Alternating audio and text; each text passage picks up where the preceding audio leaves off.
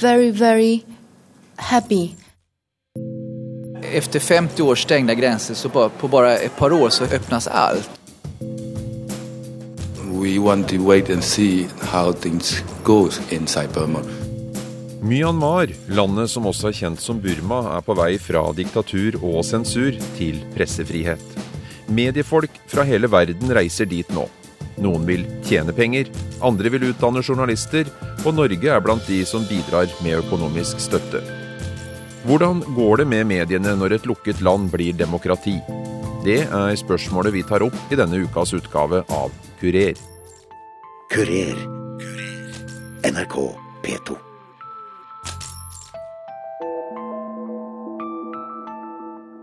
Her er NRK Dagsnytt klokka 16.30. Opposisjonslederen i Burma, Aung San Suu Kyi, ble altså satt fri i dag. Og vi har 13.11.2010 slapp Aung San Suu Kyi ut av husarresten hun hadde sittet i i 15 år.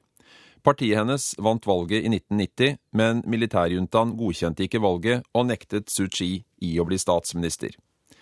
Etter at hun slapp ut og kunne velges til parlamentet, så har Myanmar, eller Burma, åpnet opp mer og mer.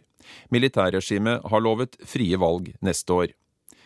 Det er i faser når land og nasjoner går fra lukkede styresett til mer demokrati det har vist seg at pressen og medias rolle er særdeles viktig. Denne ukas utgave av Kurer skal handle om medieutviklingen i landet.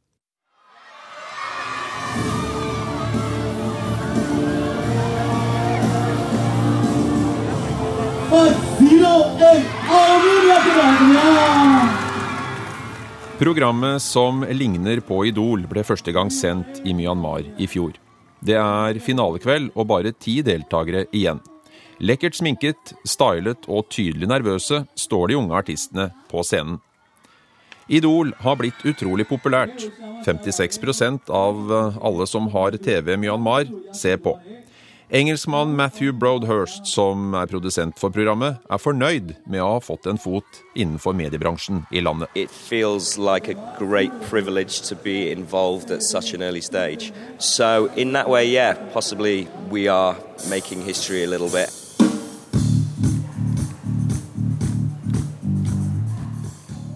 Medielandskapet har forandret seg drastisk i Myanmar på bare ett og et halvt år. At vestlige programmer som Idol vises i beste sendetid, er et bevis på det.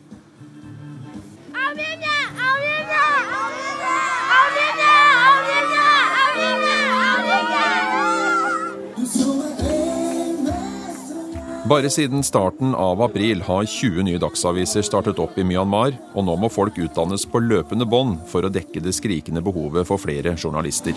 Det som hender nå er jo helt galet. Det er jo bare vilda vesten just nå her. Så det kommer jo nu, pang sier og alle vil prøve. Og det som man kan bli litt avundsjuk på, det er jo liksom passionen for å faktisk jobbe med journalistikk. Den blir jeg veldig smittet av og savner da på hjemmeplan, faktisk. Tinna Bondestam jobber for det svenske medieinstituttet FOJO, som er forkortelsen for Instituttet for fortutbildning av journalister. Nå utdanner de journalister i Myanmar. Bondestam holder seminar på mediehuset Mitsima i dag. Foran den tettskrevne tavla hennes sitter nyansatte journalister. Og denne ettermiddagen snakker hun om hvordan man skal få fram gode ideer. Don't start with a no, that's not good or something. Everything is yes, even if you think it's a stupid idea. Yes! Det er, jo, det er jo det som så er Klondyke her nå, kan man si. Johan Romare er sjef for den internasjonale avdelingen til FOJO.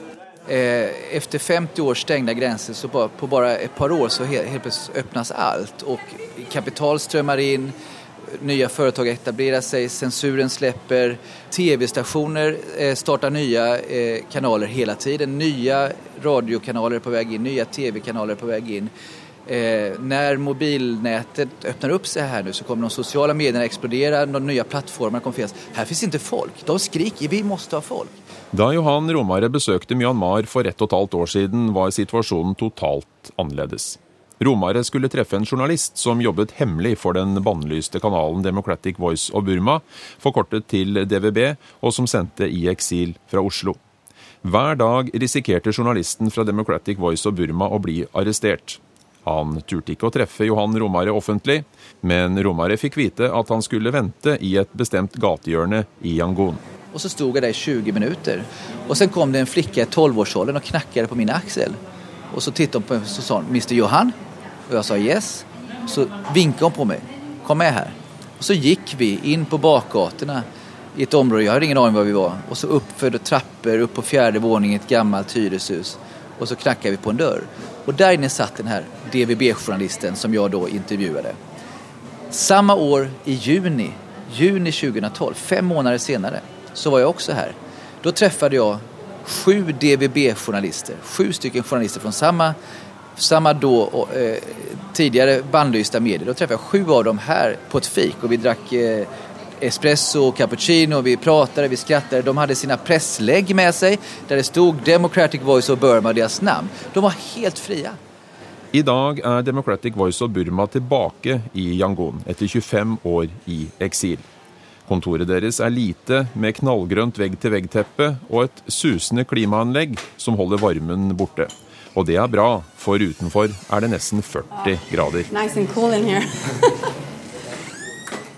For bare ett år siden sendte Democratic Voice of Burma fra en enkel leilighet i en bygård i Oslo sentrum. De var hatobjekt for regjeringa i hjemlandet. I den verste perioden var 70 av reporterne deres bak lås og slå i Myanmar, forteller Kin Mang-win i kanalen. 17 of DVB journalists were in jail, and then there are many other journalists who went to jail just because of their uh, free expression. Dette har endret seg. På slutten av 2012 så ble de siste journalistene sluppet fri fra det beryktede fengselet Insein i Yangon. 87.9 Mandalay FM Radio မန္တလေး FM ရဲ့ဓာတ်ရိုက်ထုတ်လွှင့်တင်ဆက်မှုမင်္ဂလာညနေခင်းမှာစီစဉ်ကနေကြိုဆိုလိုက်ပါတယ်ကြိုဆိုလိုက်ပါတယ် Et annet bevis på at det blåser nye vinder over Myanmar nå, er prosjektet som mediegiganten Forever Group har satt i gang. Her sender de for første gang noensinne i Myanmars historie på direkten. Ingen har jo hørt live-radio tidligere. Ingen har prøvd live-radio tidligere. Enda fram til i onsdags forrige uke så har jo begrepet live-radio vært noe abstrakt. Peter Ølen, som til daglig produserer Sveriges største radioprogram B4 Ekstra, har vært med og sjøsatt de første direktesendingene og coachet redaksjonen. I dag er det den fjerde direktesendingen som går på lufta, og det er trangt i kontrollrommet. Trafikkreporteren kommer rusende inn. Telefonen for trafikktips har ringt i ett kjør. Were there many calls? A lot? Yes, a lot. One hour ago. Yes. Marika Rennefelt er også coach fra Sveriges Radio. Alle liksom prater ikke om, eh, om hva denne showen heter, det här programmet, men de sier ja, det er jo trafikradion. Så taxiførere som vi har truffet på ute i trafiken, de sier ja, ja, ja, ja, trafikradion, den lyssnar vi på. Så det her er helt nytt? Helt, helt nytt. Helt revolutionerande. Trafikkmeldingene som radiostasjonen er de første som sender, har blitt en hit. Det har også trafikkreporteren blitt, med navnet Gold. Hun er først. Hun er den som liksom, det er her det skal gjøres. Hun kommer bli megakjendis. Hun kommer å bli megakjendis.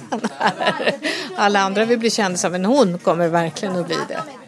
Tidligere var alle radiosendinger i Myanmar tatt opp på forhånd og kontrollert av sensuren. Forever Group utnytter foreløpig bare et smutthull i loven som gir dem muligheten til å sende direkte, og så langt har ingen satt stopp for det. Det her er nok, nok hittil det største jeg har gjort som journalist. Å få være med og skape radiohistorie i et land som har vært så slutet. Der journalister har kastet seg i fengsel for at de har sagt ubekvemme saker. Og at få muligheten til å være med i denne prosessen, der faktisk det talede ordet begynner å bli fritt. Ja, det er historisk og kjempestort.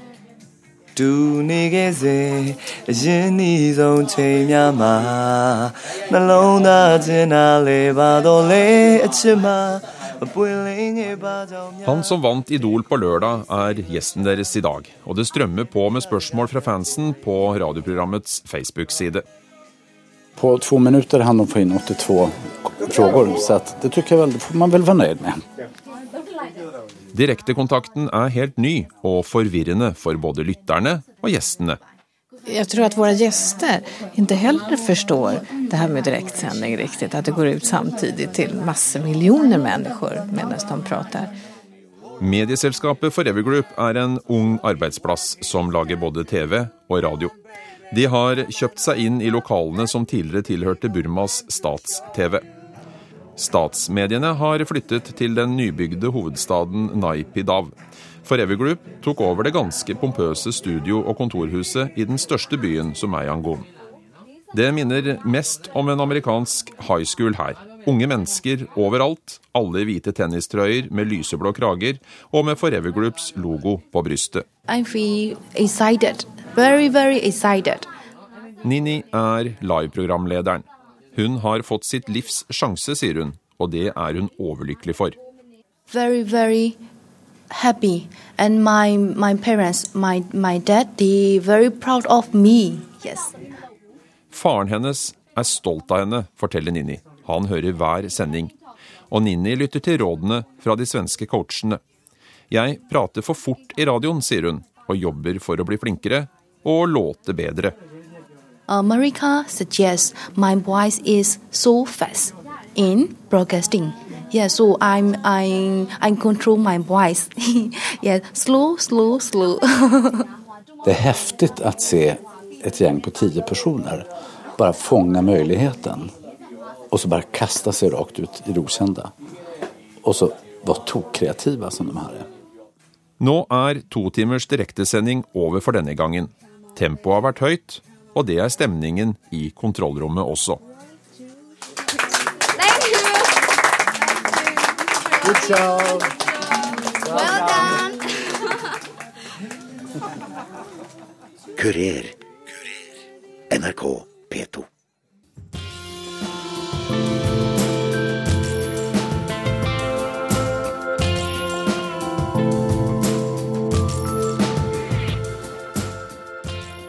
Mye har hendt i Myanmar, og det raskt. Omverdenen applauderer framskrittene, Barack Obama kommer på besøk, og EU hevet sanksjonene i april. Men samtidig gir Human Rights Watch ut en ny rapport om regimets brutale overgrep av minoriteter i Myanmars utkanter. Motsetningene mellom buddhister og muslimer ser ut til å vokse seg sterkere, og her har mediene blitt anklaget for å gå i regimets ærend, og rapporterer regjeringens versjon av det som skjer. Reporter Katarina Andersson reiste derfor fra Yangon i Myanmar over grensa til Chiang Mai i Thailand for å treffe noen skeptikere. Ok, Hva er det vi skal hitte på nå, da? Right til uh, Chiang Mai Writers Club and Wine Bar. Hva er Writers Club? Er det noe for journalister eller? Det låter så. Den grundades av några journalister. Men hvem som helst kan gå dit. Det er, ingen, det er egentlig ingen klubb. Han har rapportert om Myanmar i 30 år, men ble utestengt etter at han kritiserte regimet. Bertil Lintner var en av dem som rapporterte om studentopprøret i 1988, da militæret arresterte og drepte tusenvis. Etter det fikk han ikke komme inn, men fortsatte å rapportere og gikk over grensen illegalt. Lintner syns utviklingen i Myanmar er positiv nå, men samtidig er han skeptisk.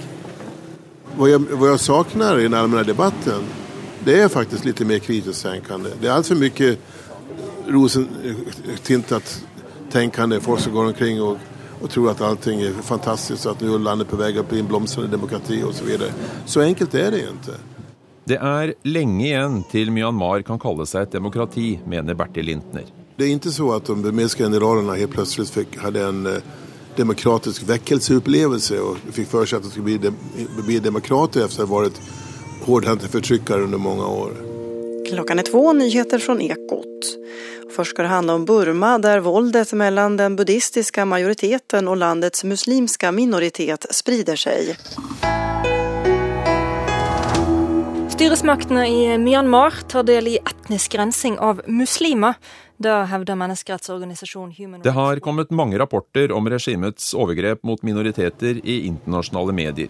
Ai Chang-nang er sjefredaktør for Democratic Voice og Burma. Eksilstasjonen, som nå har hovedkontoret sitt i Chiang Mai i Thailand, ved grensa til Myanmar. The real story, you know, like that relate to people, um, they won't report about it. It's still propaganda, but it's put in in a different way. It's it's more smarter way in a way. Rapportene som kommer ut i etermediene er fortsatt propaganda, sier han. Det er smartere gjort enn tidligere, men fortsatt er det propaganda, hevder han. Mange våger ganske enkelt ikke kritisere regimet for det som skjer. De vet heller ikke hva som pågår i områdene langt fra storbyene, og en del kjøper de offisielle uttalelsene altfor lett uten å kritisere, sier han.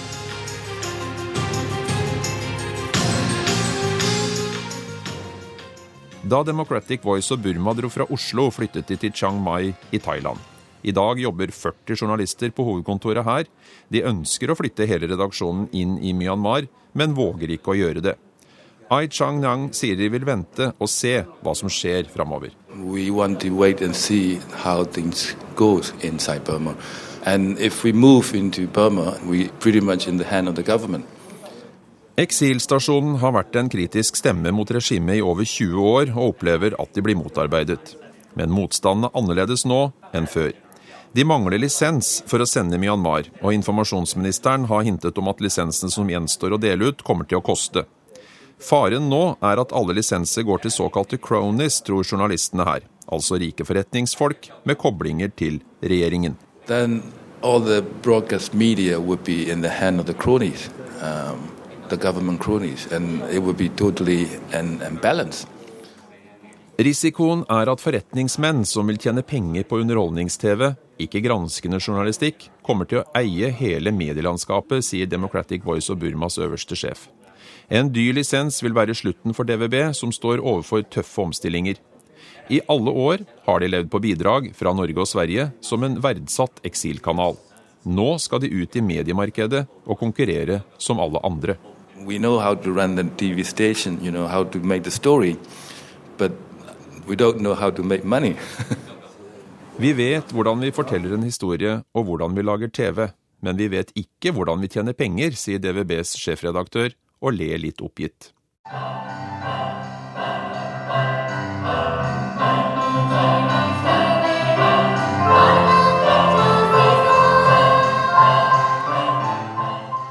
I år ble pressefrihetens dag feiret i Myanmar med pomp og prakt. Vi er tilbake i Yangon nå, i en kvelende varm teatersal. Alle er her, FN-folk og informasjonsministeren på første rad. En av Myanmars mest kjente skuespillere synger på scenen.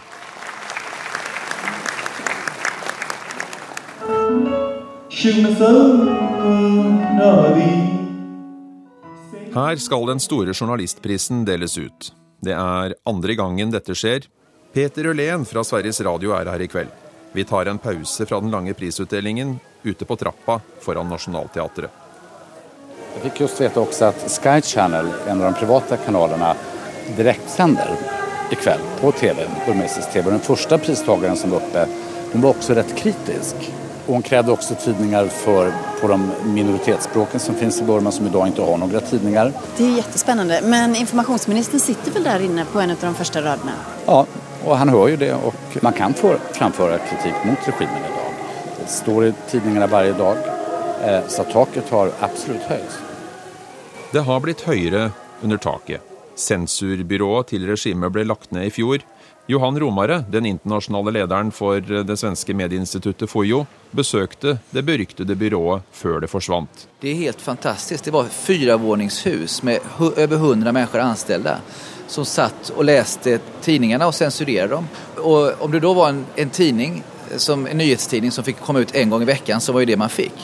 Så var det så om du skulle komme ut på lørdagen, din tidning skulle finnes på gatene på lørdagen, så på måndag så skickade du den første eh, upplagan, den første edisjonen til sensurmyndigheten. Så kom den tilbake på tisdagen eh, og da var det innringet og overkrysset. Eh, flytta denne artikeln, gjør om denne rubriken, ta bort denne artikeln. Men i det fanns også nesten en, en, ibland en redaktionell, eh, redaktionell läsning. Det kunne så sånn frågetecken. Ska du ikke også fråga den här källan? Och sen så fikk man tilbake den på tisdagen. På onsdag skickade man sin andre versjon med rättningar. Og på torsdag fikk man tilbake den andre versjonen også med nye rättningar. Og sen fikk man med det som grunn då publicera seg på lørdagen. På pressefrihetens dag treffer vår reporter Katarina Andersson journalistlegenden Vin Tin. I, uh, I read about you. Do you have a, do you have a couple of minutes for... All right. Um, Han startet partiet med Aung San Suu Kyi og satt fengslet sammenlagt i 20 år. Da han til slutt slapp fri, ville han ikke ta av seg den blå fangedrakten. Han ville vise sympati med de som fortsatt satt bak lås og slå. Dessuten, mente han, så var han ikke fri. Han hadde bare kommet ut av et lite fengsel og over i ett som var større, nemlig landet Myanmar. 85-åringen utstråler ro. Han er uredd og har en skarp tunge. Det finnes ikke noe håp om pressefrihet her før selvsensuren forsvinner, sier Vintin. If, such a kind of mentality, self-censorship is still there, I think there is no, no hope for freedom of press. For dette har blitt det nye problemet. Sensurbyrået er borte, men selvsensuren lever gjennom frykten. Å rapportere om overgrep og konfliktene mellom muslimer og buddhister kan være å ta en altfor stor risiko. For regimet kan dra inn lisensen om noen tråkker feil. Og lisens må alle utgivere ha, også avisene. Derfor er det som har hendt fram til i dag ikke tilstrekkelig, sier Vintin. Up to now, the change is not yet complete and not yet perfect and not yet enough. You're not going to rest until No, it happens no. more. No, I have to do it. Thank you so much. Thank you so much. Kurer. 마개부라시 콜로베라 소리라 마이케라 마개라시 콜로바 Det blir plutselig veldig følelsesladet.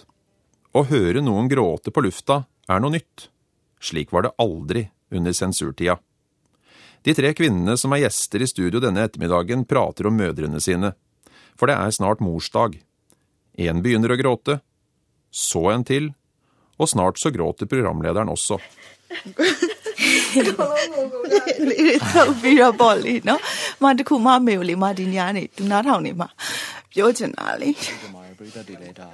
But make, we make a long outro, so they have a chance to say goodbye also. So like a minute or so. Sveriges Radios coach Peter Ølen forsøker å redde situasjonen. Legg på en låt, sier han, så snufserne får sjansen til å hente seg inn.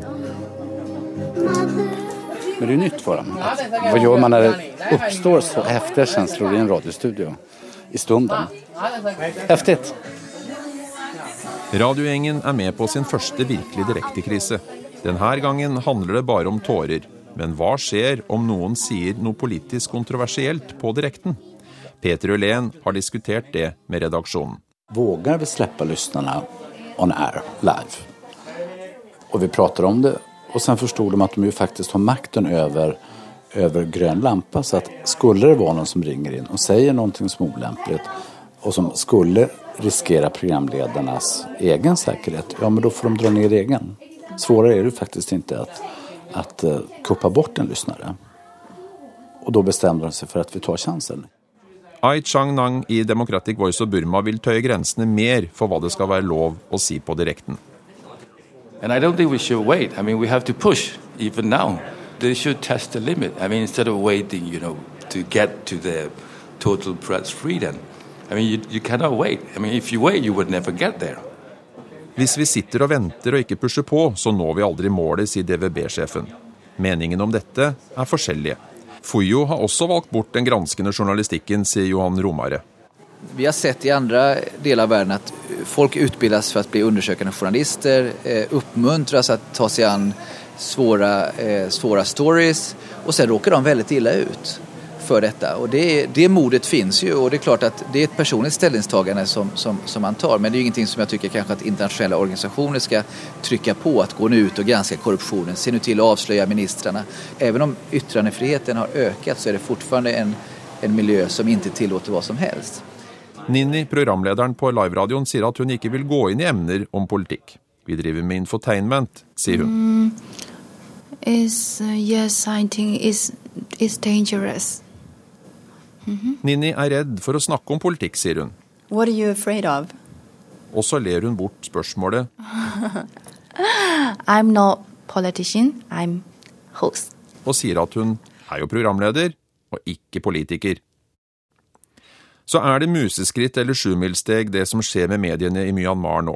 Det er ikke bare internasjonale mediemisjonærer som må ta stilling i spørsmål om hvordan man håndterer et land som står og vipper på grensen til å bli demokrati. Sveriges Radios sjef for prosjektet, Per Helgesson, har tro på at det de bidrar med, er bra. Utviklingen skjer ikke over en natt i et land som Burma. De har vært i mørker i 50 år. noe. Og um, at tro at allting kommer til å skje over natt, det fins ikke på kartan som jeg ser det, utan man må ta i små steg. Men håpet finnes om en gang å få uttrykke seg helt fritt, og å slippe å være redd. Okay, if they recommend we are safe, okay, of course we want to talk. Not only about Aung San Suu Kyi, but also about our president, Yeah, U Thein Sein. U Thein Sein. So fair and square, you Yeah, know. yeah. Mhm. De gråtende gjestene har tørket tårene og er ute av studio. I dag vet vi ikke hva som skjer om vi snakker om Aung San Suu Kyi i radioen, sier forretningskvinnen. Vi er ikke sikre på at vi bare kan reise rett hjem etterpå. Det er best å holde seg på den sikre siden. Uh, for the time being, we don't know for the future. Nobody can know the future. That's why it's just safe for the future. But maybe uh, not now, but later. Yeah, in the near future, we hope so. Maybe later. Yeah.